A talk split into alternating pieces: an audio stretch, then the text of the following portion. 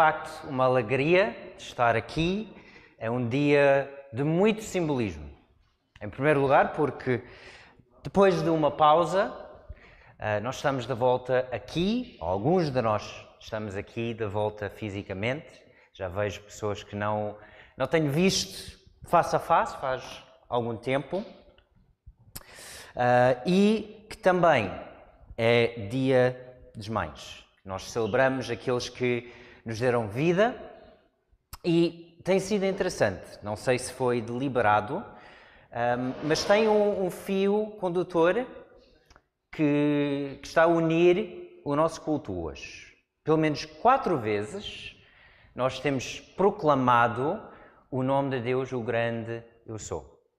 Pelo menos duas das músicas já utilizaram esta expressão, eu sou, e ambas as leituras bíblicas também destacam, e é interessante, no Evangelho de João, eu sou, aquele nome de Deus dado por Deus a Moisés, em Êxodo 3, João volta a usar este nome.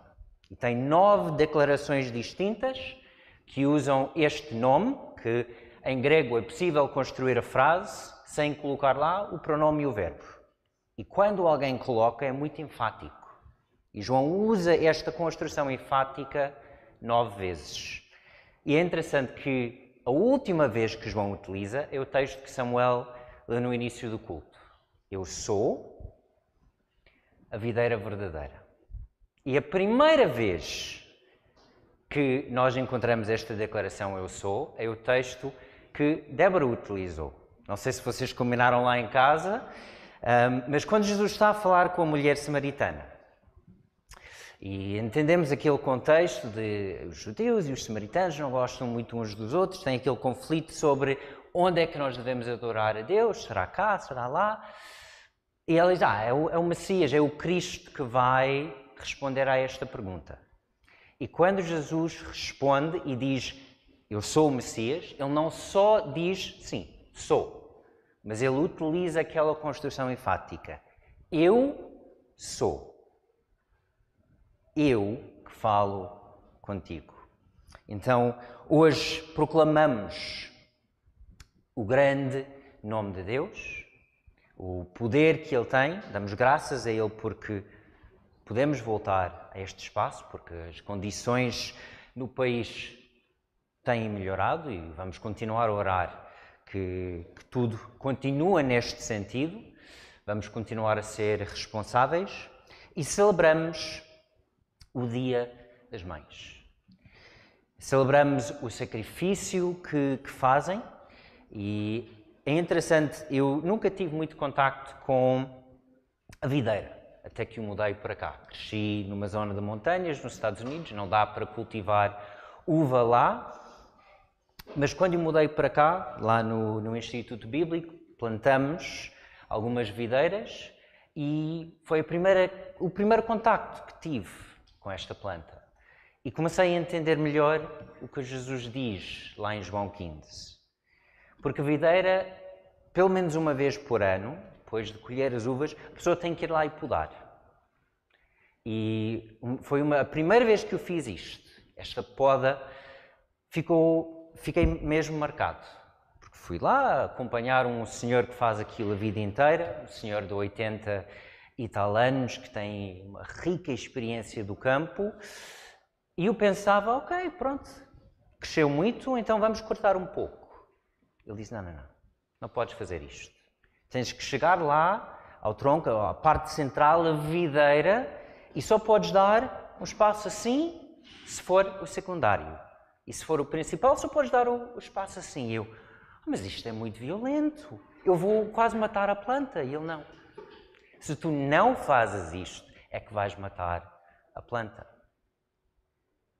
E é interessante, podas e a própria planta chora. Sai aquela lágrima de videira. Muitas vezes nas nossas vidas passamos por experiências onde parece que nós estamos a perder. Que Deus cortou um elemento das nossas vidas que a nós parecia muito precioso. Deus, por que estás a fazer isto? E não entendemos.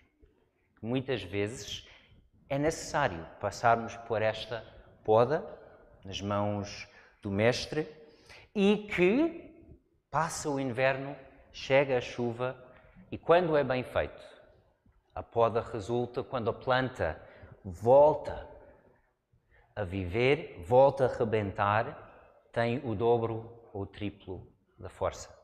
A natureza é assim. E na natureza não há vida sem algum tipo de sacrifício. É assim nas Escrituras, é assim na natureza. Para a videira poder crescer, tem que haver o corte. Para uma planta poder crescer, tem que haver semente. Semente que vai para a terra, que aparentemente morre, mas é daí que nasce vida. E celebramos as mães porque muitas vezes não são poucos os sacrifícios que fazem, não é, não é pouca coisa que elas investem em nós para que possa haver vida. E, e como depois da poda a videira dá muito fruto, um, é de facto algo a celebrar. A nossa ligação às mães, tudo que investiram em nós, dizer obrigado e também passar a investir na próxima geração. Então, muito obrigado a todas as mães que fazem parte da nossa comunidade, pela influência que têm, pelos sacrifícios que fazem, porque é um investimento na próxima geração. E hoje vamos falar precisamente deste tópico: vida e sacrifício. É o último capítulo do livro que temos seguido, do nosso amigo John Stott. Foi o último livro que ele escreveu e por isso o título que ele deu ao último capítulo é Morte. Foi a situação que ele sabia que estava a enfrentar. Ele iniciou o projeto e terminou o projeto dentro do hospital, mas é morte no sentido de vida. E vamos abordar este tópico, porque biblicamente, para haver vida, tem que haver sacrifício. É neste sentido que ele aborda este tópico. Então, nós avançamos e, e lembramos os nossos uh, os outras características, porque o que o autor está a procurar fazer é unir oito características que ele sentiu tendem a ser negligenciadas, mas que devem ser marcas distintivas do discípulo de Cristo. E a primeira característica é, de facto, estrategicamente, em alguns aspectos, não enquadrar na nossa cultura. Estar fora do padrão, isto para poder estar dentro do padrão de Cristo. Semelhança com Ele. Seguir os passos dele. Isto leva-nos para a maturidade. Devemos chegar cada vez mais perto à semelhança de Cristo. Deve ser algo objetivo. É por isso que ter quatro evangelhos é uma riqueza tremenda. Temos diferentes perspectivas de Cristo para observar nesta situação como é que ele reagiu, o que é que ele fez, o que é que não fez e para podermos comparar a nós mesmos, para tentarmos, com a ajuda do Espírito, não é algo que só depende de nós, de chegar mais perto deste exemplo, que implica cuidar da criação.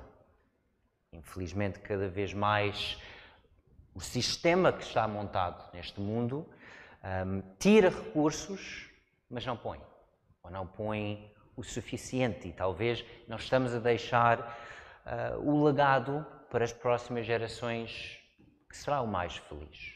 E pensar um pouco mais sobre as nossas responsabilidades, não apenas enquanto seres humanos, mas enquanto servos de Deus. Pessoas que sabem, Deus criou a Terra, continua a ser dele, nós somos apenas gestores. Infelizmente, a nossa gestão, ultimamente, talvez não tenha sido o mais feliz. Falamos da simplicidade, de escolher viver com menos para poder investir nos assuntos do reino. Temos falado de equilíbrio, de procurar eliminar falhas, áreas onde devia haver algo e não, não há, e por outro lado, os exageros. E na semana passada domingo passado, vimos a dependência, a necessidade de cultivar humildade genuína. E é um tópico, como é o tópico da morte, um pouco desconfortável. Incomoda nós estarmos dependentes de uma outra pessoa. O autor contou esta experiência que ele teve que passar. Vejo isto na minha própria família. Custa-nos, enquanto seres humanos, estarmos dependentes do outro. Mas esta é a nossa relação para com Deus. E esta situação pode contribuir por uma característica tem que fazer parte do cristão, que é a humildade. Ele deu cinco dicas. Não sei como é que foi para vocês, mas para mim encontrei vários desafios nestas dicas, vários hábitos que talvez tenho que investir um pouco mais. Agradecer a Deus. E não só como muito de vez em quando, mas como um hábito. Confessar os pecados. Em primeiro lugar a Deus, mas muitas vezes também tem que haver um elemento de confissão, de procurar perdão, de tentar reconciliar com as pessoas à nossa volta. De aceitar as humilhações. É uma frase utilizada lá no livro, desafia muito a nossa cultura. E creio que o que ele quer dizer com isto é quando passamos por uma situação difícil da vida, usar aquilo como estímulo para a humildade. Creio que ele não está a incentivar as pessoas a, a deixar que os outros pisam sempre sem nunca fazer nada. Creio que não é este o intuito dele. Mas às vezes a vida traz-nos situações que nos humilham, que deixam-nos de joelhos. E se nestas situações não formos capazes de aprender humildade, de aprender que de facto somos pequenos e que de facto faz-nos bem lembrar o facto que somos pequenos, mas que temos um Deus grande. Então, a vida dá-nos estas experiências, é necessário aprender. E, em último lugar, aprender a rir. Aprender a rir de nós mesmos, das situações da vida que são ridículas e frustrantes e absurdas, porque às vezes as pessoas dizem é rir para não chorar. Creio que em algumas situações é o mais saudável. Então, cinco dicas dadas pelo autor. E hoje a última característica: o caminho paradoxal da vida. Para haver vida, tem que haver sacrifício.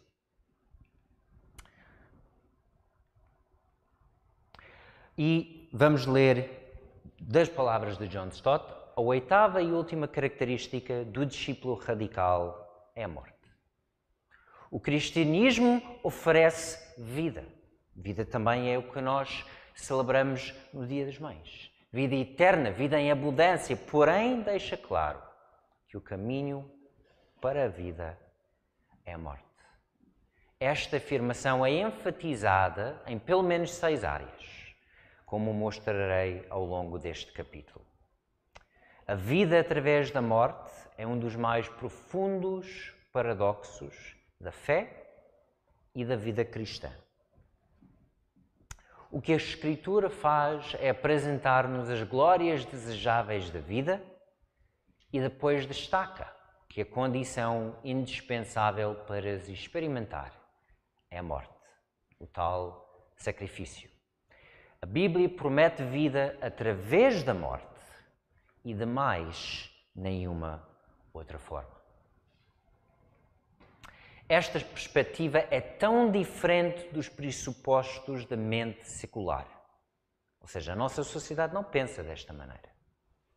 Sacrifício para a nossa sociedade é uma palavra feia, deve-se evitar. Sacrifício para quê? Quero tudo hoje, agora, já, bom, barato, rápido. É assim que a nossa sociedade gosta. Mas sacrificar? investir e ter que esperar anos ou meses para ver os resultados? Mas é assim no mundo natural. Quem planta, eu eh, estou a passar agora quase toda a vida à frente do computador. Trabalho em casa, a minha esposa também. O meu escritório lá em casa tem sido sala de cultos ao longo dos últimos domingos. À noite é sala de aulas para as aulas que eu dou. Mas a preparação também é feita à frente do computador. Quase toda a minha vida passou a, a ser uma vida à frente do computador. Então, para tentar fugir, estou a tentar cultivar uma horta lá no, no Instituto Bíblico. Temos um, um pequeno espaço ali, alguém estava a cuidar do, do espaço, eh, mudou para outro país, ficou um pouco abandonado e estou a tentar recuperar aquilo. Uh, para ter pelo menos um projeto na minha vida onde não estou à frente do computador. Uh, e plantei várias coisas lá e o, o meu sogro uh, chegou lá, um, passado uma semana, e, e, estava a brincar, mas então, onde é que está? Disseste que plantaste feijão verde e eu vim cá trazer feijão verde para casa, onde é que está? A natureza não funciona assim. Claro que estava a brincar e quem planta as coisas entende esta lógica. Eu vou plantar feijão verde hoje, mas eu só vou colher feijão verde em agosto ou setembro, pronto, depende um pouco de, de tempo e de quando é que o plantei. É assim que a natureza funciona. Mas não é assim que a nossa sociedade, infelizmente, vivemos vidas muito separadas do campo.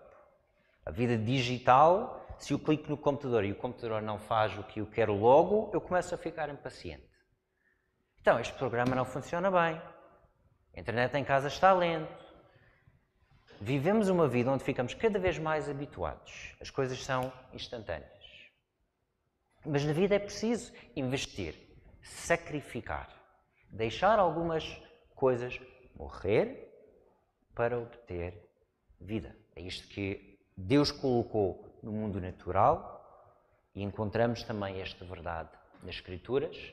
Então, vale a pena refletirmos sobre este paradoxo. Para haver vida, tem que haver morte. É atual, é algo revolucionário em termos das suas implicações.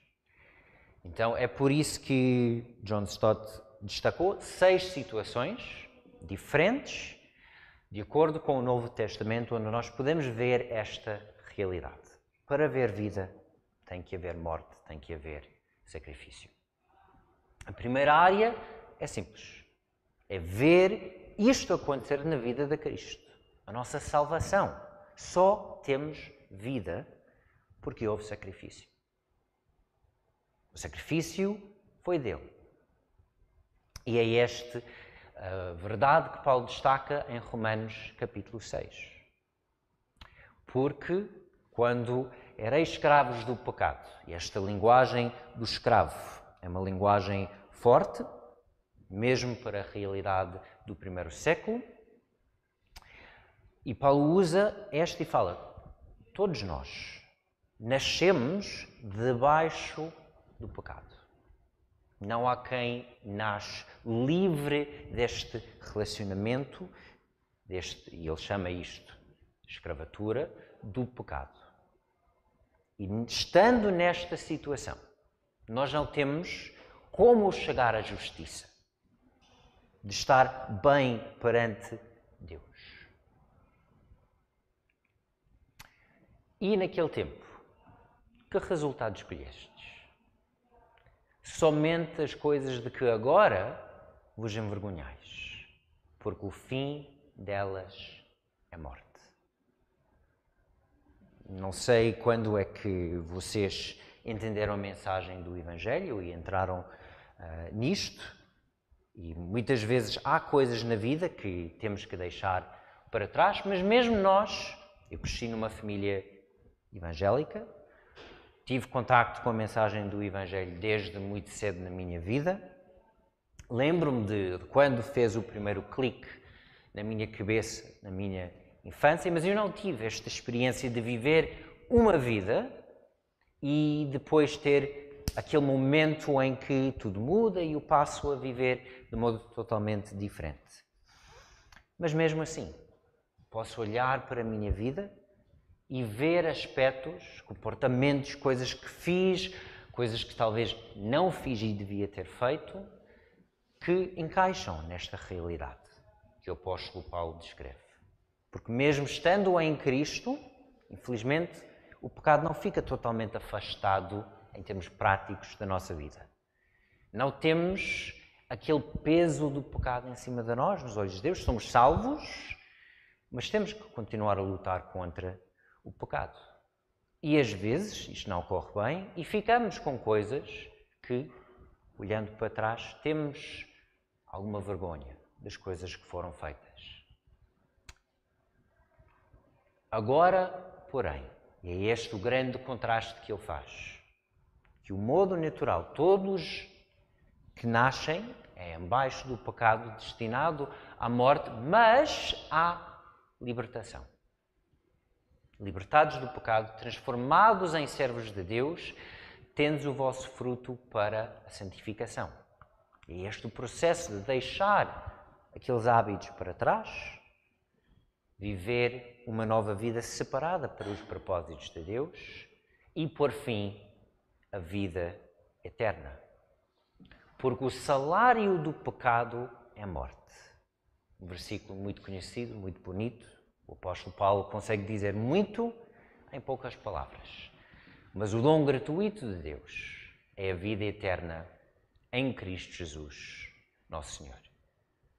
Então nós temos vida não porque ganhamos, pois a palavra salário, a ideia de pagamento, trabalhar para ganhar algo, não é ligada à vida. Esta palavra é ligada à morte. Vida vem pelo dom gratuito. E o que as Escrituras merecem é que, segundo o mundo de mérito, de receber aquilo que trabalhamos para ganhar, Cristo merecia a vida. Viveu uma vida sem pecado, cumpriu a vontade de Deus, nós não. Mas o que aconteceu é que houve uma troca. E o dom gratuito foi Cristo que recebeu a morte e porque ele aceitou a morte em nosso lugar, oferece-nos a vida que só podemos ter nele. Então, foi o que Cristo fez. É algo que todos nós temos que aceitar, algo que todos nós temos que entender e viver, mas somos discípulos dele. E nós não vamos morrer fisicamente no lugar dos outros como ele fez, é algo que só Cristo podia fazer, mas as Escrituras também usam esta linguagem de sacrifício, de deixar algo morrer ou de matar algo nas nossas vidas para ver vida. E ele fala de mortificar a velha natureza, o velho eu. Aqueles hábitos, aquele padrão de viver que é próprio do pecado. E ele usa, João Stott usou uma palavra muito interessante no capítulo: autocomplacente. De eu dar a mim próprio o que eu quero. De mimar a mim mesmo e depois autodesculpar quando os outros mostram que talvez este não é o caminho mais certo. E é precisamente esta postura que na vida do cristão não pode existir. Vemos isto muito claramente na carta às Gálatas, que é uma espécie de. Pronto, Romanos, 16 capítulos, Gálatas fazem cinco um trabalho semelhante. Paulo está a lidar com uma comunidade, uma igreja que ele plantou, ele saiu para plantar outra igreja e depois outros entraram e começaram a semear outras ideias. Ideias que, afinal, eles não tinham que apenas aceitar Cristo, também tinham que fazer muitas coisas de lei para ganhar a sua salvação.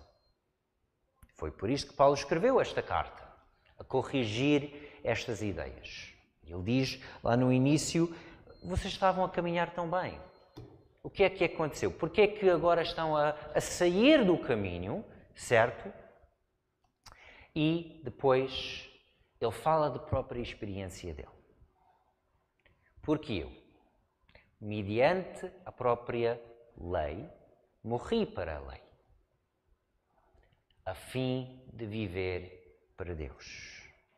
Estou crucificado com Cristo. Ou seja, ele usa esta ideia de morrer para viver. Na situação específica, o que estava a impedir estes cristãos foram algumas ideias relacionadas com a lei judaica. A salvação não é só em Cristo, também tenho que fazer isto e aquilo, e não comer isto, e observar isto, e foi isto na situação deles. Provavelmente para nós não é.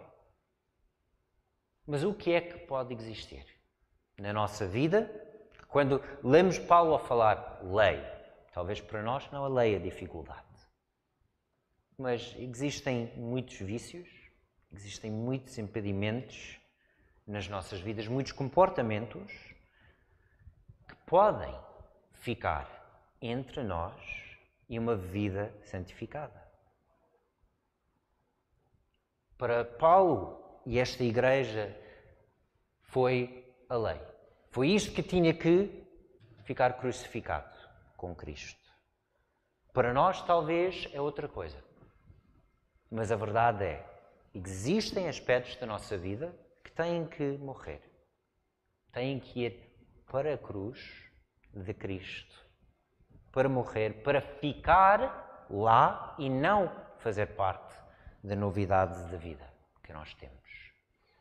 E é por isso que ele diz: Logo, já não sou eu quem vive, mas Cristo que vive em mim. E esse viver que agora tenho na carne, vivo pela fé no Filho de Deus que me amou e assim mesmo se entregou por mim. Então, como Cristo entregou-se para nós, a entregar estes hábitos, este viver, estes comportamentos, para estes morrerem e para a novidade de vida em Cristo ser plantado em nós. Quando eu cheguei à, à minha horta, lá no IBP, estava cheio, cheio, cheio de muita coisa que não presta. E tudo pica. Não sei o que é com as coisas que não. O que nós plantamos não pica. Milho não pica, feijão verde, mas tudo que estava lá, eu metia a mão para arrancar e a minha mão saía cheio de coisitas. Então, não podia fazer com a, as mãos, tinha que chegar lá com, pronto, com luvas e com enxada e tinha que matar muita coisa, deitar muita coisa fora. Porque se eu chegasse lá sem fazer este trabalho, que dá muito trabalho, eu acordei no dia seguinte e quase não consegui sair da cama, porque passei meses à frente do computador e de repente passo umas duas horas a fazer isto e no dia seguinte a vida é, é engraçada. Provavelmente aqueles senhores do campo, se me tivessem visto, estariam a rir de mim. Este jovem passa toda a vida à frente do computador, não tem, não tem força para fazer duas horas de, de, de trabalhar ali. Ou seja, custou-me. Eu tinha que matar muita coisa que estava lá, que não servia para os meus propósitos, para depois poder semear as coisas que, pronto, eu vou ter que esperar ainda, ainda as plantas são deste tamanho, mas para plantar as coisas que eu quero. E é a mesma coisa na vida cristã. Há muita coisa na nossa vida. Eu, ninguém tinha que plantar o que estava lá. Aquilo chegou sozinho. As ervas daninhas e tudo isto. Tudo que pica chega sozinho. Agora, o que eu quero, eu é que tenho que chegar lá e plantar. E a vida não é assim tão diferente de uma horta. O que não presta muitas vezes chega lá sem nos dar conta. Mas o que nós queremos, o que é bom, tem que ser plantado. Então é isto que na vida cristã nós temos que fazer. Há coisas que têm que ser arrancadas da vida pela raiz. Não é só chegar lá e tirar a parte verde, senão daqui a uma semana aquela parte verde voltou, porque a raiz ficou lá. E a vida está ali embaixo e vai continuar a mandar para cima. Para poder depois, em colaboração com o Espírito Santo, e vamos ver que Paulo não esqueceu do Espírito Santo, plantar coisas que são dignas desta nova vida. E é por isso que não há vida sem sacrifício, sem este elemento da morte. E tem que haver um lado objetivo. E Paulo não esqueceu disto. Porque o eu antigo, eu sozinho, por natureza, sou autocomplacente. Eu gosto de fazer desculpas por mim mesmo. E vamos ser sinceros, quem é que não faz isto? É o mais comum na nossa sociedade. Qualquer coisa acontece, a pessoa começa logo a, a desculpar. Ah, não, é que eu entendi, eu pensava, eu. Então, se nós temos a tendência de fazer isto, é fácil enganar a nós mesmos. Como é que eu sei? se eu estou de facto a mortificar a carne, se eu estou de facto a plantar o que presta, como é que eu sei o que é para arrancar e o que não é? É uma pergunta legítima, especialmente, pronto, cheguei lá, limpei a terra, plantei o que eu quero, mas não acaba ali. Nasce o que eu quero, mas também nasce as coisas que eu não quero. Que também foram lá parar depois de eu limpar a terra e renovar tudo. E era se eu não quero repetir aquele trabalho todo, eu tenho que chegar lá e quando nasce aquilo que eu não quero, arrancar logo no início. Mas para fazer isto, eu tenho que poder reconhecer o que é bom e o que não é. Senão, eu vou acabar por destruir o meu próprio trabalho e arrancar as plantas que eu quero. E é por isso que em Gálatas 5 temos uma lista muito preciosa. A segunda parte da lista é muito famosa, toda a gente conhece, os frutos do Espírito. Talvez muitos conseguem dizer de cor. É isto que nós queremos. Mas Paulo, não foi só isto que Paulo escreveu. Paulo deu-nos nos versículos anteriores uma lista das coisas que não prestam.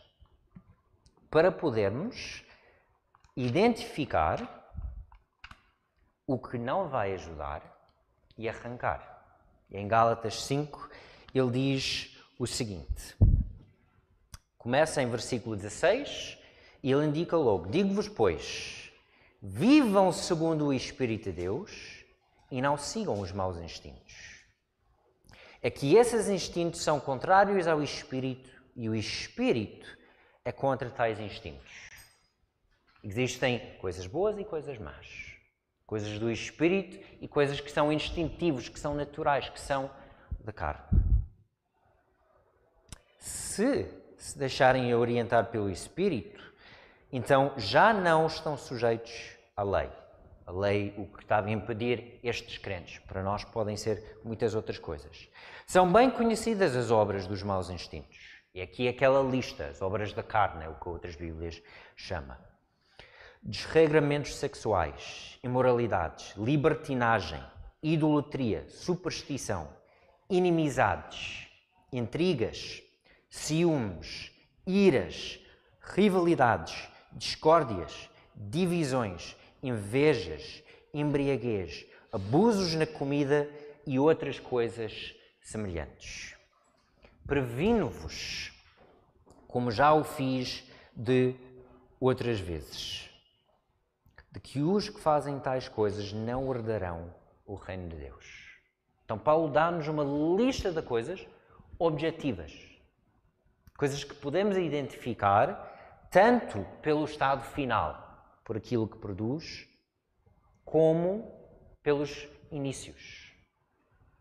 Porque se eu chego até ao final para ver o resultado de uma planta que nasce, aquilo pode, pode já ser tarde, quando eu consigo reconhecer e o quero arrancar. Então, Paulo fala de várias coisas que são atos, mas que está associado também a coisas da vida interior. Começa muitas vezes pelos pensamentos, pelas emoções. É uma coisa ter já uma rivalidade aberta com alguém. Mas isto não começa. Começa pequeno. Começa com o espírito onde eu, na minha vida interior, coloco aquela pessoa como o inimigo, em vez de ser um irmão ou uma irmã na fé. Jesus falou no Sermão do Monte também, pronto, sobre adultério, que é uma das coisas nesta lista. Adultério é o ato final, mas muitas vezes aquilo começa, uma pessoa olha para o outro com uma certa intenção. E tal como na minha horta, eu tenho que estar atento para ver como é que aquilo nasce, para saber arrancar logo no início, temos que fazer o mesmo com nós mesmos. Porque estas coisas competem com os frutos do Espírito. Tal como as plantas que eu não quero competem com aquilo que eu quero cultivar. O espírito, pelo contrário, produz amor, alegria, paz, paciência, amabilidade, bondade, fidelidade, modéstia, autodomínio. E contra estas coisas já não há lei. Os que pertencem a Cristo já se crucificaram a si mesmos volta a esta linguagem. Há coisas que têm que morrer para o que nós queremos viver. Já se crucificaram a si mesmos com as suas paixões e maus desejos. Ora, se vivemos, se vivemos pelo, por meio do Espírito, devemos deixar-nos guiar por Ele. Então a pergunta é: se nós pensamos na vida interior, aquele onde as, as coisas começam a nascer, antes de chegar ao exterior, antes de serem visíveis aos outros. O que é que eu mais tenho semeado? O que é que eu estou a deixar crescer? O que é que eu estou a impedir? O que é que eu estou a estimular?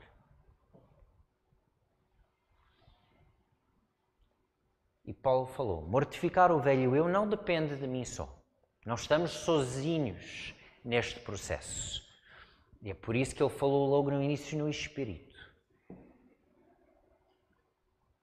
Para plantar as coisas que são necessárias, temos um aliado. Temos que ouvir, temos que obedecer.